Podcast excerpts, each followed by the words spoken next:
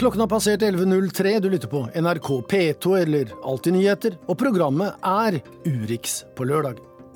I dag har vi en litt tilbakeskuende meny. Én dag siden Donald Trump besøkte Frankrike.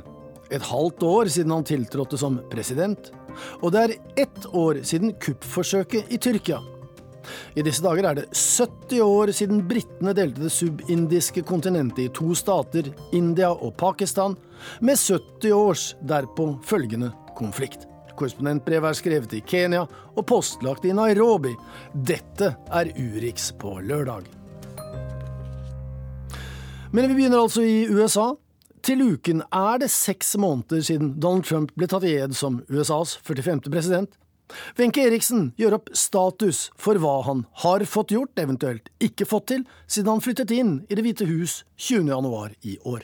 I, Donald John Trump, do solemnly swear that I will faithfully execute that I will faithfully execute the office of President of the United States the office of President of the United States.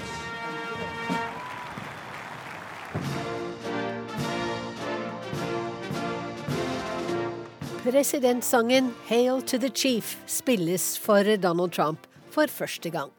Vippene som sitter på podiet bak ham, tilskuerne på The Mall foran ham, og TV-seere over hele verden venter på innsettelsestalen som skal forene en splittet nasjon. Den kommer ikke. Today, we are transferring power from Washington, D.C. and giving it back to you, the people. USAs 45. president fortsetter i stedet med en ny versjon av sin valgkamptale. Han snakker om konfrontasjon framfor forsoning, og fornærmer nok de fleste av politikerne som sitter på ærestribunen på kongresstrappen. Inkludert de tidligere presidentene Jimmy Carter, Bill Clinton, George W. Bush og Barack Obama.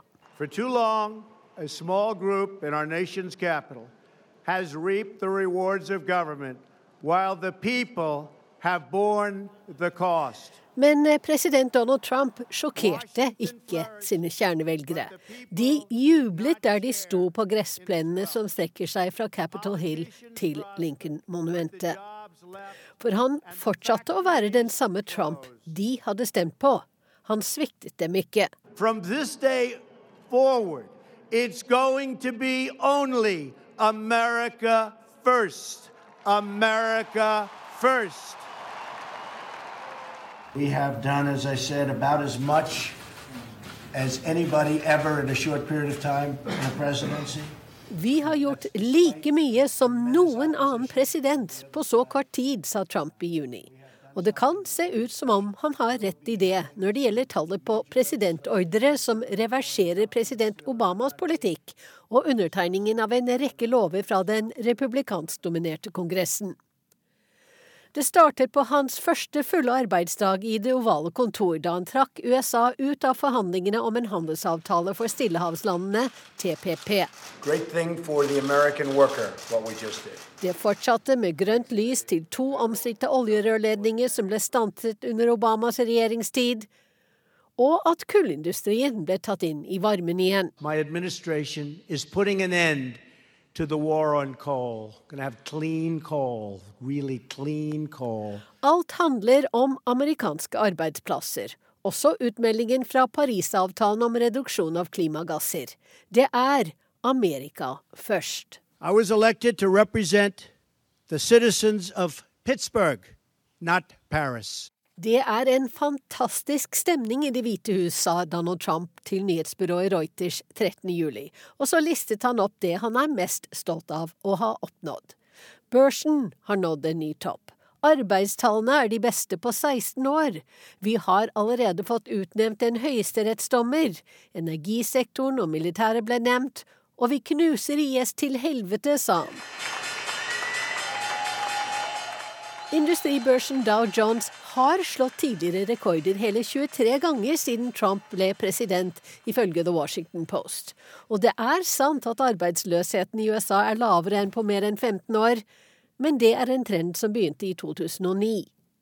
At republikanerne har fått høyesterettsdommer Neil Gorsuch på plass, kan påvirke avgjørelser i flere tiår framover.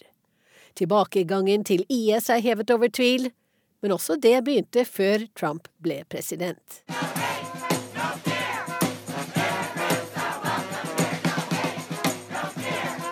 Immigranter er velkomne her, roper demonstranter i New York mot presidentens innreiseforbud for mennesker fra sju muslimskdominerte land. Det er blitt stanset i rettsvesenet flere ganger, og ligger nå hos Høyesterett, som inntil videre tillater en utvannet versjon av Trumps forsøk på å begrense muslimers adgang til USA. Men det som nok irriterer Donald Trump mer enn noe annet, bortsett fra beskyldningene om samrøre mellom hans valgkampstab og Russland, er dette. Til tross for at republikanerne styrer begge kamrene i Kongressen, så kan han ennå ikke innkassere en seier i noen av de to viktigste sakene på partiets innenrikspolitiske agenda – skattereform og avskaffelsen av helsereformen Obamacare. Særlig det siste. They have to do it. They have to get together and get it done. What'll happen if they don't? Jeg kommer til å bli rasende hvis ikke de får det til i Senatet, sa Trump til den kristelige TV-kanalen CBN. Men hvordan går det med den muren mot Mexico som han snakket så mye om under valgkampen? I'm a builder. And we're thinking of something that's unique. We're talking about the southern border. Lots of sun, lots of heat. Den skal bli så fin, med solcellepaneler som skaper energi og betaler for seg selv, ifølge USAs president Donald Trump. Solar wall panels, beautiful. I mean, actually, think of it. The higher it goes, the more valuable it is. It's like Det sa altså Donald Trump, og vi skal fortsette å snakke litt om han. Vår eh, Washington-korrespondent Gro Holm er inne i sin siste uke som NRKs utsendte på de kanter. Men det som er viktig i denne sammenheng, det er at hun har vært der i den amerikanske hovedstaden disse første månedene med nettopp Donald Trump i Det hvite hus. Og med utgangspunkt i akkurat det, så har hun gjort seg noen tanker om tingenes noe uvanlige tilstand. Det er mye som har vært utenom det vanlige i disse seks første månedene av Trumps presidentskap. USA har en leder som tilsynelatende ikke føler at han må vise konsistens. At det han mener i dag er det samme som han sa i går. Straffetoll mot Kina? Vel, president Xi er en bra mann og vi trenger ham overfor Nord-Korea, fant Trump ut. Vips, ingen straffetoll. Snakke sant? I juli i fjor blir Trump jr. spurt om påstander om at Russland forsøker å hjelpe farens valgkamp. Avskyelig, kan ikke tenke meg større løgn, svarer Donald jr. Vel, en måned etter møtet med den russiske advokaten som både han, Trumps kampanjesjef og svigersønn trodde hadde kompromitterende informasjon om Clinton.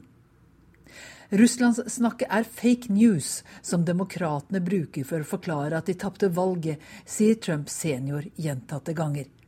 Vel, nå vet vi at russerne forsøkte, og at Trumps nærmeste i det minste ikke var helt uvitende om forsøkene. Vi vet også at Trump ikke hadde historiens største publikum da han ble tatt til ed, og at det ikke var de papirløse innvandrerne som sørget for at Clinton fikk nær tre millioner flere stemmer, slik presidenten hevdet. Men de som virkelig støtter ham, de slutter ikke å støtte selv om presidenten snakker usant iblant.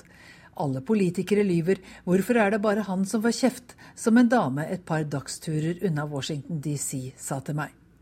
De ser at det er bråk rundt Trump i hovedstaden, men tar det som en bekreftelse på at han gjør som han lovet, nemlig drenerer myra.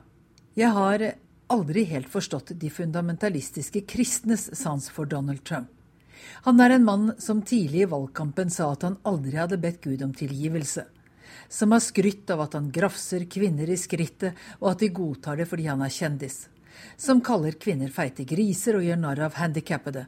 Som skryter skamløst av seg selv, til og med av de fire konkursene han har vært igjennom. Men det er altså ikke bare Trump som mener at det gjelder egne regler for ham. Det var mange nok velgere som mente det samme. Det gjelder også egne regler for Trumps øyensten og førstedatter Ivanka. For hvor er det kjolene, skoene, blusene, veskene og smykkene hennes produseres? Jo, det er i Kina, Indonesia, Vietnam, India og Etiopia. Over 2000 skipslaster med Ivanka-varer fra land med lave lønninger har losset i USA de siste sju årene, ifølge The Washington Post i går. Og det fortsetter, selv om far Trump truer både Mexico, Canada, EU og alle som selger billig stål til USA, med straffetoll. Men det har sin pris å være Donalds datter. For etter videoen med en litt yngre Trump som snakker om å 'grab the pussies' til damene, startet opprørte kvinner en boikottaksjon mot Ivankas produkter. Store butikkjeder som Nordstrom, Niemann Marcus, Sears og Kmart sluttet raskt å føre hennes merke. Jeg lurer på hva utenriksminister Rex Tillerson tenkte da Ivanka Trump satte seg i farens sete mellom Kinas president og Storbritannias statsminister under G20-møtet nylig.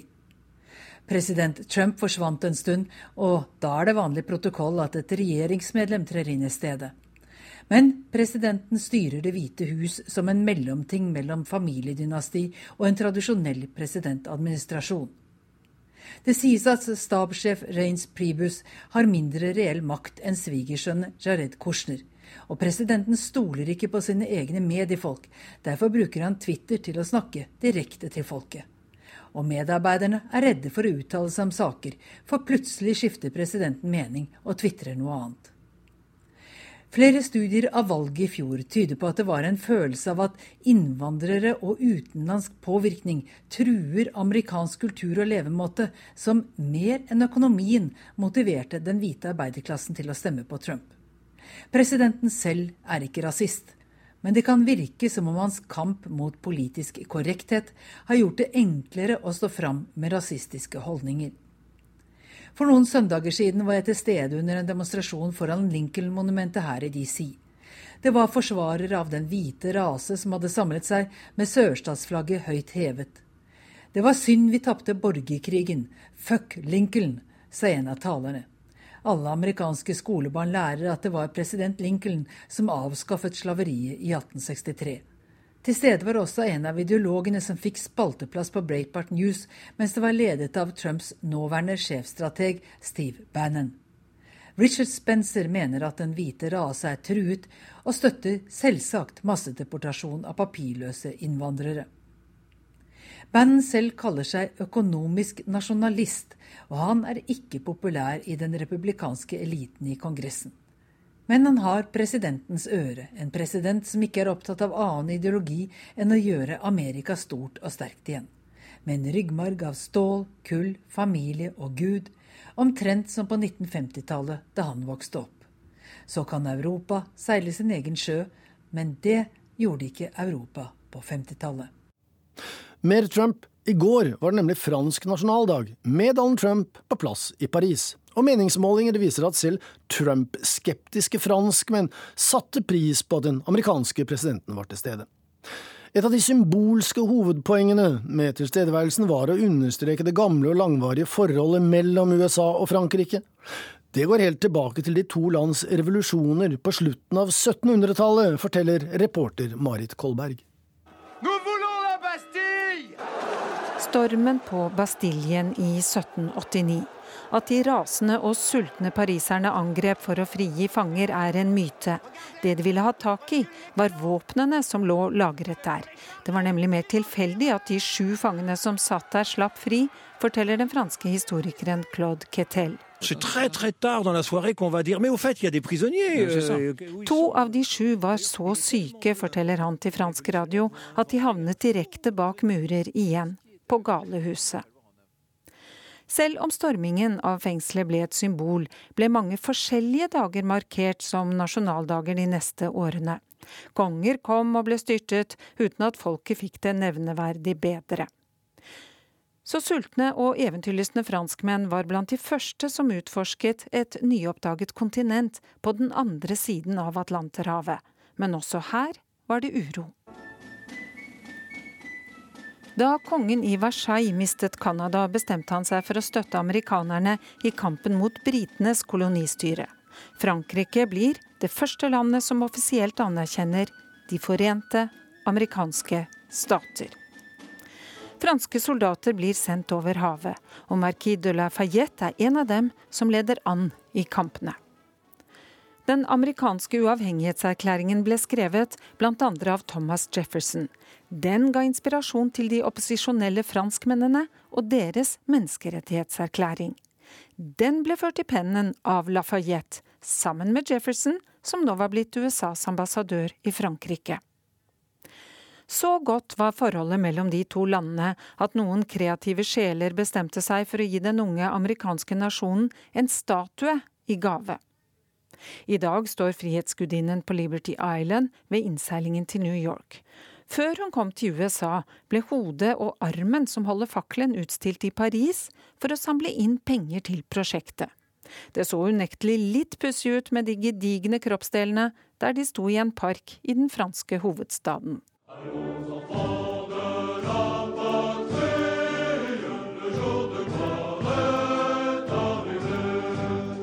Først i 1880, under Den tredje republikk, ble den 14. juli nasjonaldagen.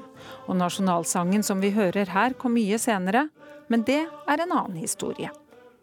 Politikerne bestemte seg altså for denne dagen, både for å minnes stormen på Bastiljen, og for at landet ble samlet til én nasjon den 14. juli 1790. Og dermed var både høyre- og venstresiden misfornøyd. De første mente det ikke gikk an å feire opprørere og mordere, mens venstresiden mente revolusjonen var blitt for borgerlig. I mange år har det vært varierende hvor mye dagen ble markert, men etter første verdenskrig, der USA og Frankrike sloss på samme side, ble dagen grundig feiret. I annen verdenskrig sto de to landene sammen igjen i kampen mot nazistene.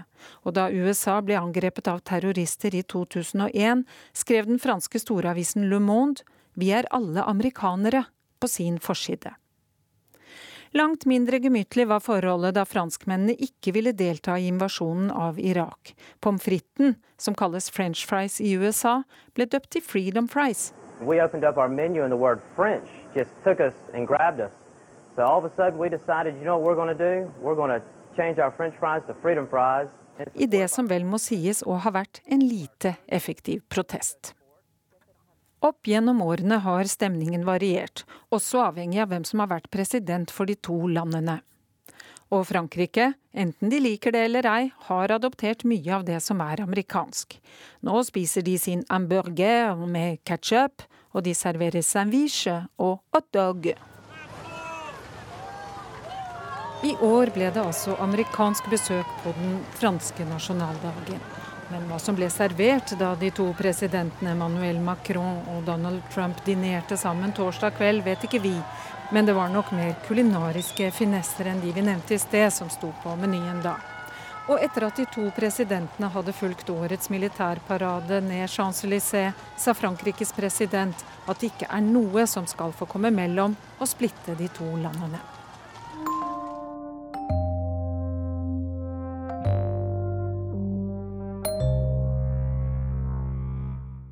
Nå Tyrkia. For i kveld er det ett år siden deler av den tyrkiske hæren forsøkte å avsette presidenten og ta makten i landet. Tore Moland har møtt den tyrkiske ambassadøren til Norge, Safak Göktürk, og bloggeren Morten Myksvold i anledning dagen.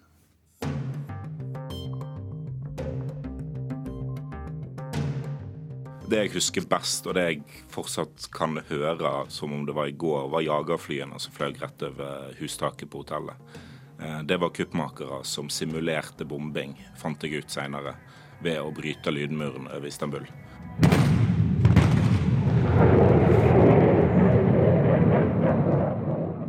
Det smalt eh, og riste i bygningen, eh, og ruter som ble knust. Det var en rimelig skjellsettende opplevelse. Ett år har det gått siden kuppforsøket i Tyrkia. Men hva var det egentlig som skjedde den natta? Og hvem var det som sto bak forsøket på å styrte president Erdogan? Og hvorfor er titusenvis av mennesker arrestert eller sparka fra jobbene sine i oppgjøret etterpå? Bergenseren Morten Myksvold han er så fascinert av tyrkisk politikk at han driver sitt eget nettsted om temaet. Han hadde nettopp landa i Tyrkia den kvelden kuppforsøket begynte. Det hadde også mannen som er tyrkisk ambassadør her i Norge. Shafak Göktürk is my name. I'm ambassador in Oslo, Norway, since March 2014. Urix har nemlig blitt invitert inn i en staselig murvilla på Frogner i Oslo. Opp ei knirkende trapp og videre inn til Safak Göktürk. Ambassadøren vil gjerne gi sin versjon av hva som skjedde den natta, og hvordan det han nå kaller Fetullah Gulens terrororganisasjon forsøkte å ta makta. It was a full-fledged coup attempt, but in Turkey, I'm old enough to have experienced other military takeovers uh, before. This was different. This was a very bloody, ferocious attempt. It wasn't long before it became clear that uh, the perpetrators were the disciples of uh, Fethullah Gulen, the uh, leader of the uh, Fethullah uh, terrorist organization. As you know, he calls himself the uh, Imam of the universe, and this is a network organized around the cult of personality uh, with very radicalized followers. This may contrast their image in countries they live, also in Norway, because they try to portray themselves as very moderate and uh, very peace loving people who seek racial, uh, religious, social harmony. But what is right underneath is a completely different story. Do you feel that this story that you are now uh, describing has not been fully understood by uh, Turkish neighbors, Turkish allies, people in Europe and uh, elsewhere in the West? Unfortunately, I will have to agree with uh, the statement of your question. We tried hard to explain the true nature of what really transpired in Turkey. They had, in fact, for a time, uh, been penetrating the state machinery. Uh, first and foremost, it's, it's judiciary, uh, security forces, and as the coup attempt itself revealed, the armed forces. And uh, truly, their penetration of the armed forces was much beyond anybody's predictions. La oss stoppe opp litt her og se nærmere på oppgjøret som fulgte i Tyrkia etter kuppforsøket. I dagene etterpå ble først generaler og dommere arrestert, mistenkt for medvirkning. Deretter var det politifolk, påtalemyndigheter, utdanningssystem og mediene som sto for tur. President Erdogan erklærte unntakstilstand, og den varer fortsatt nå et år seinere. Prokurdiske aktivister og kritiske journalister er blant de som har blitt fengsla. Til sammen er rundt 50 000 mennesker arrestert, og over 100 000 offentlige ansatte har mista eller blitt suspendert fra jobbene sine. Yes, yes. Uh, I mean, you call it crackdown. Uh, I call it the legitimate necessity for a state to uh, protect itself from elements uh, which are, in fact, uh, targeting the very state and its downfall. Okay, let's Ah. discuss that because since the coup attempt, I think uh, 50,000 people or so have been arrested. 100,000 people have lost their jobs. Is all this necessary? The attempt itself was based on a very extensive network. So, to fight against it, to struggle with it, also requ- uh, required very extensive measures. These were already being taken before, uh, primarily in the judiciary and the police security forces. In the aftermath, of course, the measures had to be taken more urgently and in a more extensive manner. The numbers, though sound big, proportionally are still a fraction of the Turkish public services. because our public service consists of millions of workers. Yes, but Yes. if you consider Uh, the fact that you are dealing with a coup attempt, Yes, coup attempt. 150,000 people. Yes, They can they can't all have been involved in a Yes. coup attempt. Yes, they cannot be. That's right. Not that very night. But we are talking about the network behind it. And this network has to be dealt with. Because you have to deal with the, not with the symptom. The coup attempt itself was a symptom. A very terrible one at that, but still a symptom. But we are talking about what caused it. And after the coup attempt, the state services had to act in a somewhat different fashion than before. That is why a state of emergency was declared in Turkey, and which is still on. And then the Turkish uh, authorities are acting to the best of uh, their abilities according to the rule of law. Did you know that more than 30,000 of those who had been dismissed have already been reinstated?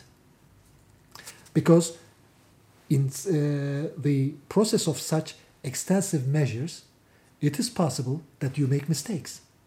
And those mistakes are already being corrected on the way and in big numbers.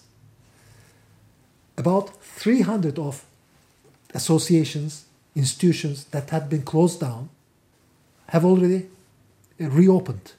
So, remedy, administrative and judicial remedy, is also working alongside the measures to stem this uh, network's activities. Morten Myksvold, eh, redaktør for nettstedet tyrkiskpolitikk.no. 50 000 mennesker er arrestert og 100 000 offentlige ansatte har mista jobbene sine. Vil du si at eh, oppgjøret etter eh, kuppforsøket står i noen form for samsvar med det som skjedde for et år siden? Nei, det har eh, gått fullstendig ut av kontroll, eh, mener jeg. Eh, en kan forstå eh, deler av oppgjøret. Eh, Hvis en mener at det er Gulen-bevegelsen som står bak, eh, og en mener at en skal eh, på en måte knekke det nettverket som gjorde dette kuppet mulig, eh, så kan jeg forstå at de vil gå etter inntektskildene til, til denne organisasjonen. Og da er mediehus og, og universitet en del av de inntektskildene de har, og bankvirksomheten deres så bør en jo òg selvfølgelig ha en større, mye høyere terskel for å, å gå til angrep på mediehus uansett. Hvor, hvor godt bevist er det nå at eh, det eventuelt var Fetullah Gulen og hans bevegelse som sto bak kuppforsøket? Det er, sånn som jeg forstår det, rimelig godt bevist at det i hvert fall var en god del Gulen-lojale folk som, som var i ledelsen på kuppet. Og så kan det ha vært andre òg som har hekta seg på. Eh, Men det var en relativt liten kjerne, og sånn må det jo være for å planlegge et, et militærkupp. Og Fetullah Gulen selv, da? Det er det vanskeligere å bevise. eh, Men det vi vet om Gulen-bevegelsen, er at det er en veldig strengt hierarkisk organisasjon.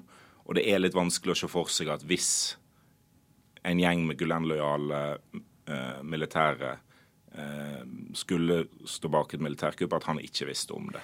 Hva med disse spekulasjonene om at eh, makthaverne nærmest sjøl kan ha arrangert kuppet for å kunne slå fritt ned på politisk motstand? De spekulasjonene har liksom aldri blitt helt borte. Eh, hva tenker du om det?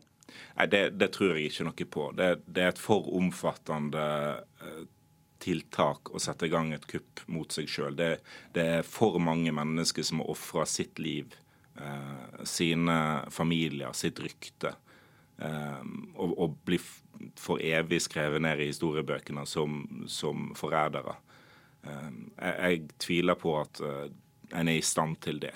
Bare det at kuppet mislykkes, er en er roten til en del sånn konspirasjonsteorier som jeg mener ikke har grunnlag i, i virkeligheten.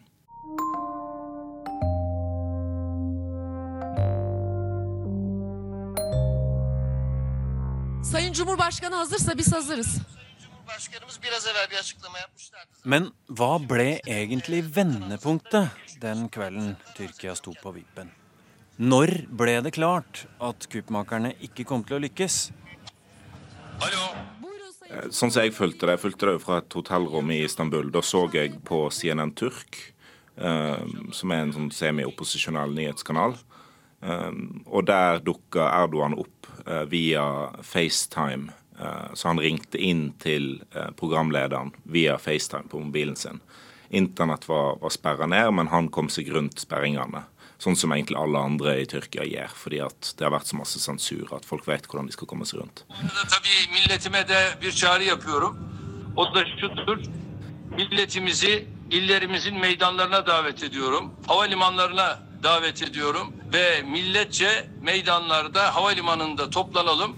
There was an appeal by our president, apparently unable to reach the uh, state television, already taken over by the uh, elements of the uh, uh, coup plotters. So he reached the CNN Turk uh, private uh, channel, and uh, we all followed. We were switching, uh, zapping between channels uh, in our homes that night while uh, listening the uh, low-flying aircraft uh, over our roofs. Ben tanımadım bugüne kadar Når han var på skjermen eh, via den telefonen, så ble alle ryktene om at han enten var drept eller hadde flykta til Tyskland, de ble, eh, de ble eh, motbevist. Then people from all different segments of the society came out. So, I mean, it was a national, so to say, standoff against the plotters. I think this was a turning point. And fundamental message here is that this uh, clandestine terrorist network made an attempt and it was basically stopped by the power of the people. So this is the story of 15 July and this is what we are commemorating. Kashmir er stikkord nå. Sommeren 1947, altså i disse dager for 70 år siden, så inntraff en menneskeskapt katastrofe av så enorme dimensjoner at det er vanskelig å forestille seg. Etter annen verdenskrig begynte britene så smått å demontere sitt en gang så mektige imperium. De var ikke særlig motivert, hadde ingen erfaring i å innvilge selvstendighet, og tok uforklarlig og uforsvarlig lett på oppgaven. India og Pakistan fikk en svært vanskelig start som selvstendige nasjoner, og Kashmir er fremdeles et konfliktområde. August 1947. The British are quitting India nearly 200 years after they took power. Kolonimakten pakket sammen etter 200 år på det indiske subkontinent. India skulle bli selvstendig. Men hindunasjonalistene med Mahatma Gandhi og Jawaharlal Nehru i spissen hadde, sett fra London i hvert fall, ikke vært lojale nok under annen verdenskrig. De ble straffet. Muhammedanerne derimot, som det het en gang under ledelse av Mohammed Jinnah, de hadde oppført seg på en måte kolonimakten visste å verdsette, så de ble belønnet og fikk sitt eget land. One of the largest, most ethnically diverse nations in the world has been divided. One country will now become two India and Pakistan. Absolutt ingenting var lagt til rette for en slik løsning. I juni 1947 ble det helt uventet kunngjort at det ble en tostatsløsning.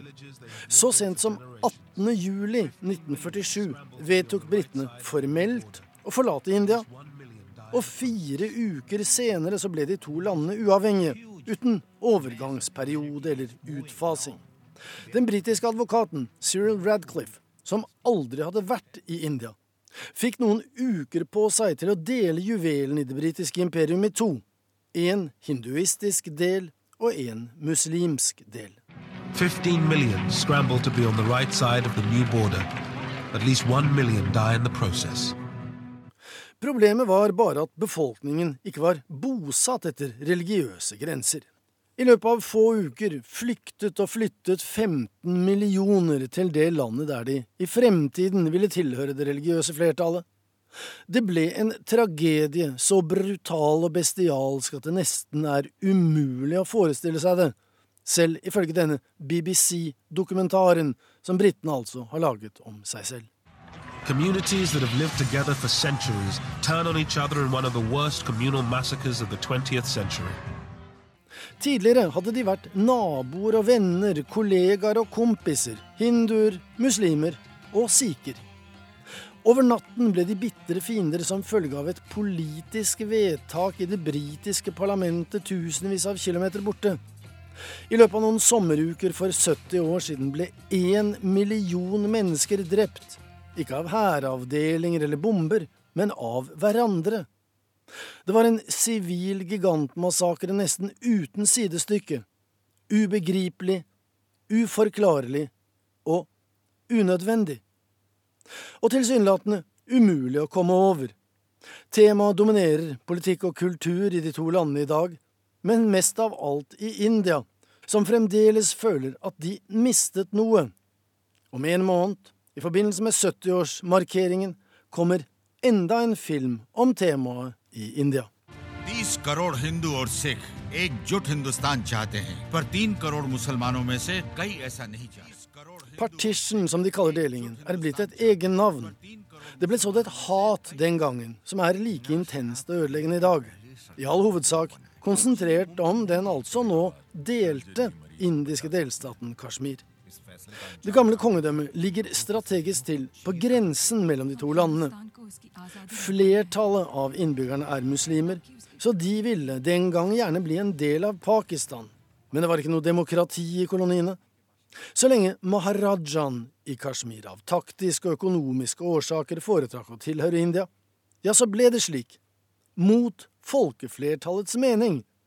Og den slags blir det, og ble det, krig av. हर एक को तय करना होगा कि आप किस मुल्क के बाशिंदे बनेंगे हिंदुस्तान या पाकिस्तान हमें अलग मुल्क नहीं बनाना हिंदुस्तान Pakistan Det hele var bare så uendelig tragisk, og britene, den fordums verdensmakt, bare sto og så på og gjorde ingenting, utover det faktum at det var de som hadde invitert til blodbad. Britain, the once great colonial power, looks on as India burns. Og verre enda, kanskje. Dette fortsetter den dag i dag. For noen dager siden ble tre menn drept. Terrorister, som politiet sier. Martyrer, ifølge kasjmirske separatister.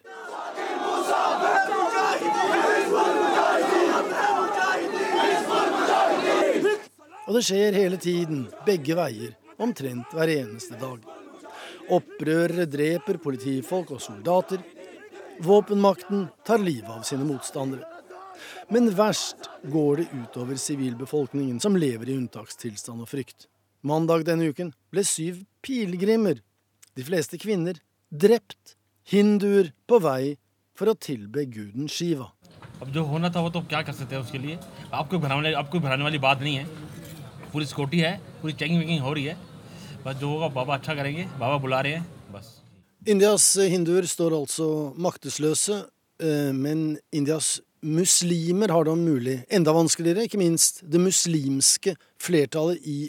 Kashmirdalen, som i praksis er annenrangs borgere i et land de ikke ønsker å være borgere av i det hele tatt.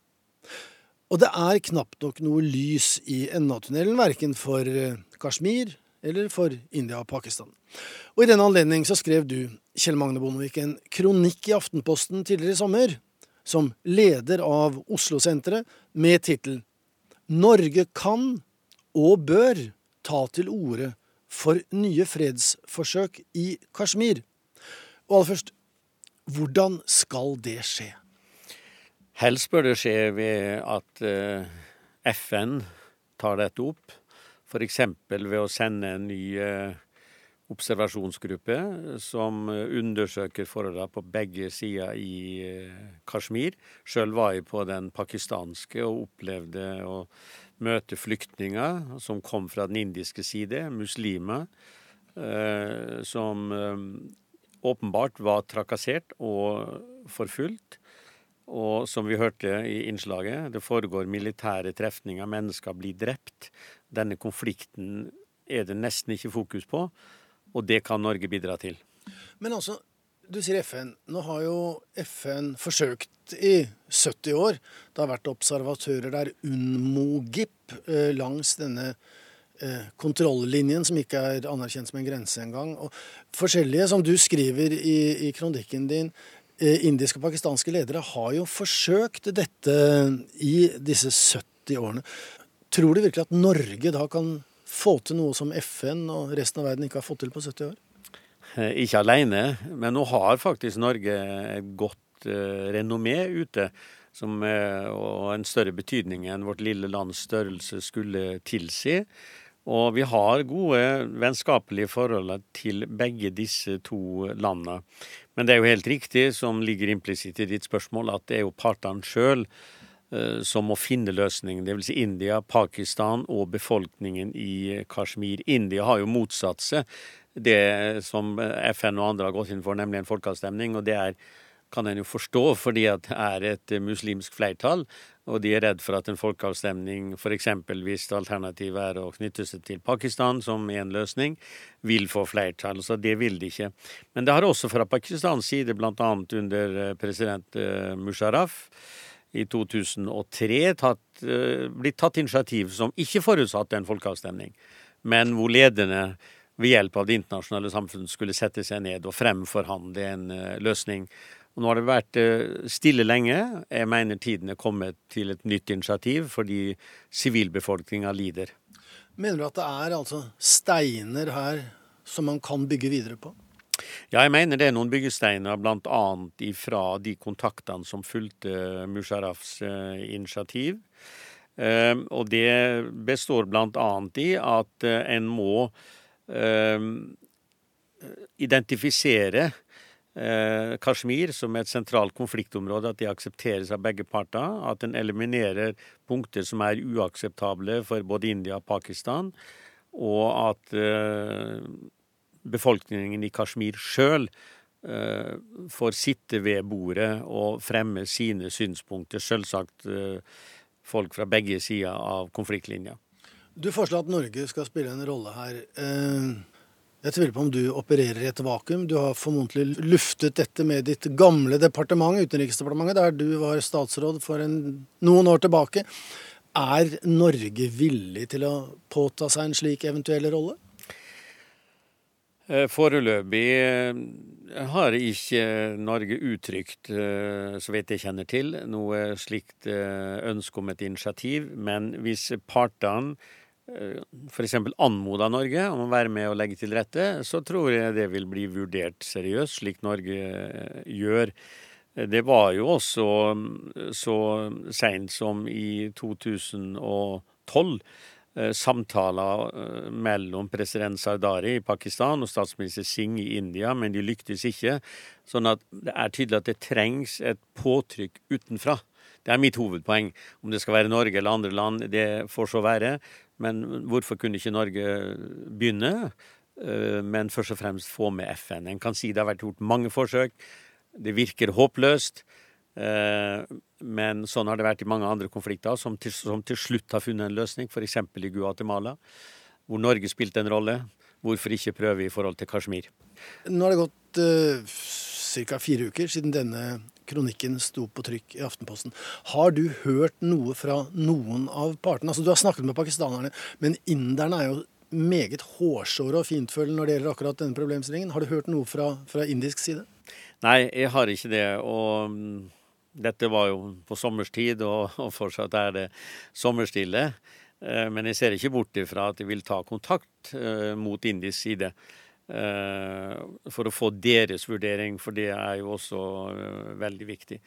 Men et norsk eh, følere ute mot de to land, mot befolkningene på begge sider i Kashmir, og så opp mot FN, som har fått en ny, energisk generalsekretær.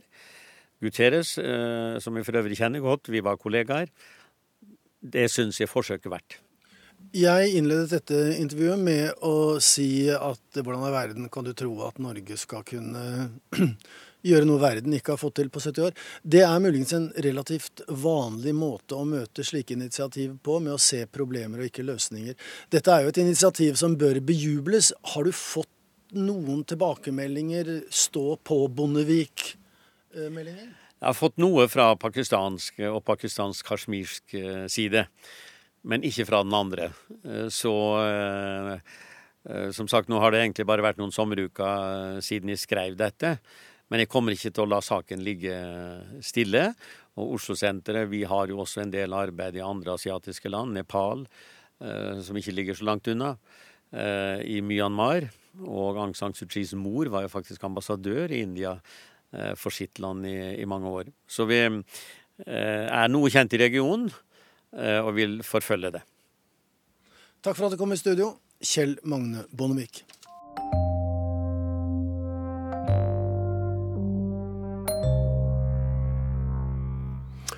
Om noen sekunder så er klokken 11,5 eh, minutt på 12, og det er tid for korrespondentbrev. Det kommer i dag fra Nairobi i Kenya, der korrespondent Sverre Tom Radøy har tatt toget. Så dere løven? Det gjorde jeg.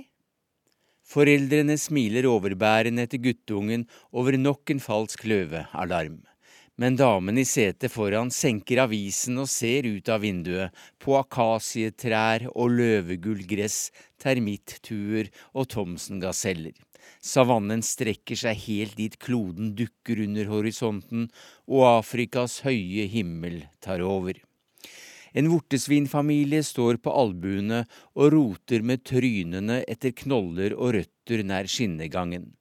Damen foran er ikke så interessert i knelende pumbaer og begraver igjen sin egen nese i fredagsbilagets nyheter om Kenyas rich and famous. Vi andre i vogn seks ser begeistret på elefantfamilier, gressende sebraer og nervøse gaseller. Beitende gnuer ser plutselig opp, hiver seg rundt med ustriglet skjegg og krumme horn, og forsvinner i stiv galopp i en rustrød støvsky. Toget uler. Masai-sjiraffen later som ingenting, men er så nær at vi ser tårnets blå tunge. Guttungen anslår høyden til nærmere ti meter. Foreldrene noterer nok en verdensrekord. Kinesiske skinner bærer togsettet med 1200 passasjerer ned til tropekysten, til endeløse kritthvite strender med palmer, kokosnøtter, korallfisk, leende barn og alt det der. Lokomotivførerne er også kinesiske. De frakter oss nærmere Tivi og Mosambweni, der fiskerne tilbyr østers, blekksprut og redsnappere, og kanskje en tur bakom korallrevet i den uthulte mangostammen med to utriggere og latinerseil på jakt etter en liten tunfisk, eller hvem vet, en stor blå marlin. Men for kystbefolkningen er ikke dette nødvendigvis et paradis. Mange klager over at folk fra hovedstaden med penger og bekjentskaper tar jorden som har tilhørt lokale familier i generasjoner. Landgrabbing med myndighetenes velsignelse kalles det. Toget går til Mombasa, med Fort Jesus, der størstedelen ble hugget rett inn i korallklippen som et portugisisk forsvarsverk for 500 år siden. Det ligger over bukta der Vasco da Gamas skip lå for anker i seks aprildager i 1498, før flåten dro litt lenger nordover langs kysten og stakk med maimonsunens medvind rett over til India og forandret verdenshistorien. 300 år senere, på slutten av 1800-tallet, ble 30 000 indere fraktet motsatt vei. Arbeidsinnvandrerne skulle bygge britenes jernbane men få bodde langs skinnene. I Nairobi bodde nesten ingen, stedet var bare et depot for utstyr til jernbanen halvveis til endestasjonen i Uganda. Det hele var dømt til å gå med underskudd, og fikk snart tilnavnet Lunatic Express, som rett og slett betyr et prosjekt hinsides all forstand. Men det var ikke innbyggernes behov for frakt av varer og personer som var årsaken til galskapen. Nei, britenes jernbane var et politisk prosjekt. Imperiet ville vise muskler i det store kappløpet om Afrika mot slutten av 1800-tallet. Soldater og utstyr skulle fraktes raskt opp fra kysten og dypt inn i det afrikanske kontinentet. Der lå Uganda med britiske interesser, og der lå Victoriasjøen. Tyskerne hadde lignende planer i Tanganyika, daværende Tanzania, så det hastet. Den som kontrollerer Afrikas største innsjø, har en hånd rundt Nilens strupe. Men jernbanen ga også grunnlaget for dannelsen av dette landet jeg bor i, og som senere fikk navnet Kenya. Det er ikke uvanlig at et land bygger en jernbane, men det er uvanlig at en jernbane bygger et land, sa britenes sjef i Øst-Afrika på begynnelsen av 1900-tallet. I så fall var norsk tømmer en del av Kenyas historie, om enn ganske mikroskopisk. Det hadde seg slik. Direktøren i Saugbruksforeningen fikk nyss om at tømmer var fenomenalt godt betalt på Zanzibar. Han hadde selv mye usolgt trevirke liggende fra Haldensvassdraget, og fikk kaptein Oskar Christian August Olsen til å dra med seilskuta Lerken med tømmer fra Halden nedover Afrikas vestkyst og rundt Kapp det gode håp til sultanen Zanzibar. Der ble tømmeret solgt for så mange sølvmynter at flere mann måtte hjelpe til med å bære betalingen til banken, leser jeg i boka om Zanzibar-Olsen. Kona mi fant den i en bokhandel i Stowntown, Zanzibars hovedstad, men du finner den i Norge også. Så Olsen bosatte seg på Krydderøya, og flere skipslaster ble sendt sørover. Noe av tømmeret ble eksportert til fastlandet, til britisk Øst-Afrika og til byggingen av jernbanen. Mesteparten ble brukt til gjerder og jernbanebygninger, men noen stokker ble sviller sviller fra Østlandet under britenes skinner, lagt av indiske arbeidere i Øst-Afrika. Det er denne kombinasjonen som nå er erstattet av kinesiske preproduserte moduler. Mens den nye jernbanen har fått hard kritikk for å ha kostet flesk, så kostet britenes jernbane blod.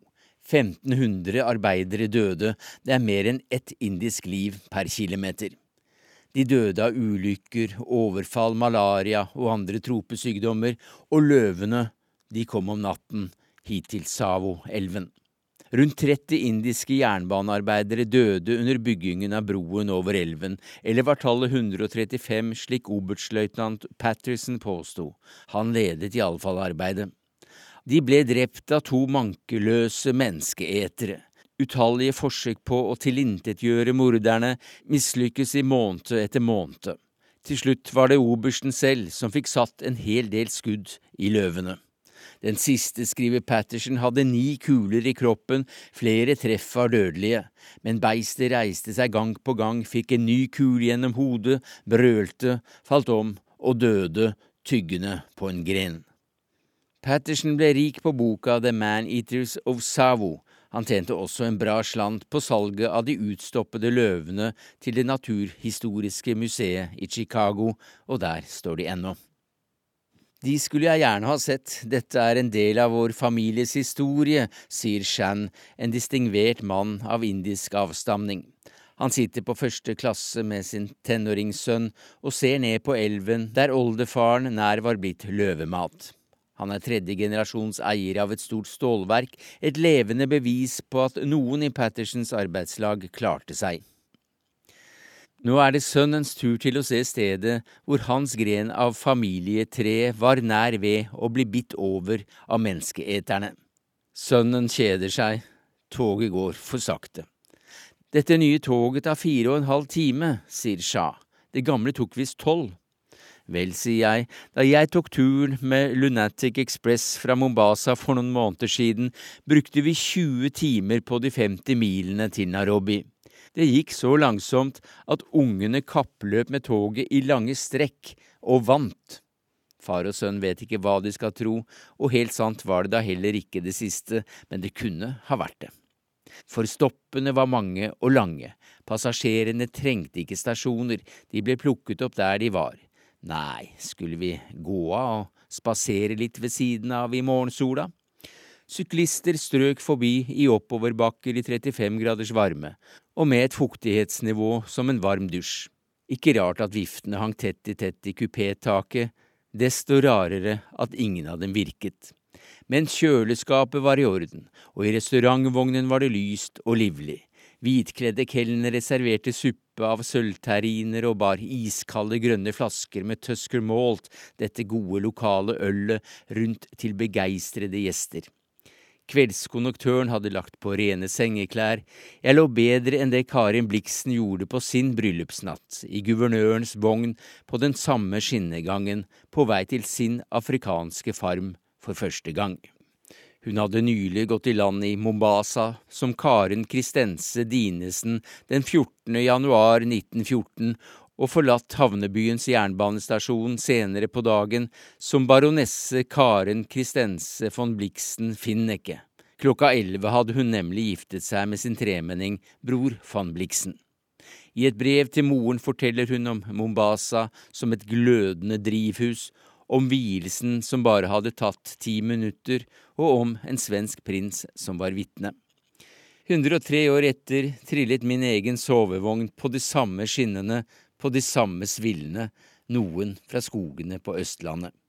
Men nå er alt kinesisk, det er raskere, og det er billigere, og det er bedre. Undertegnet Sverre Tom Radøy.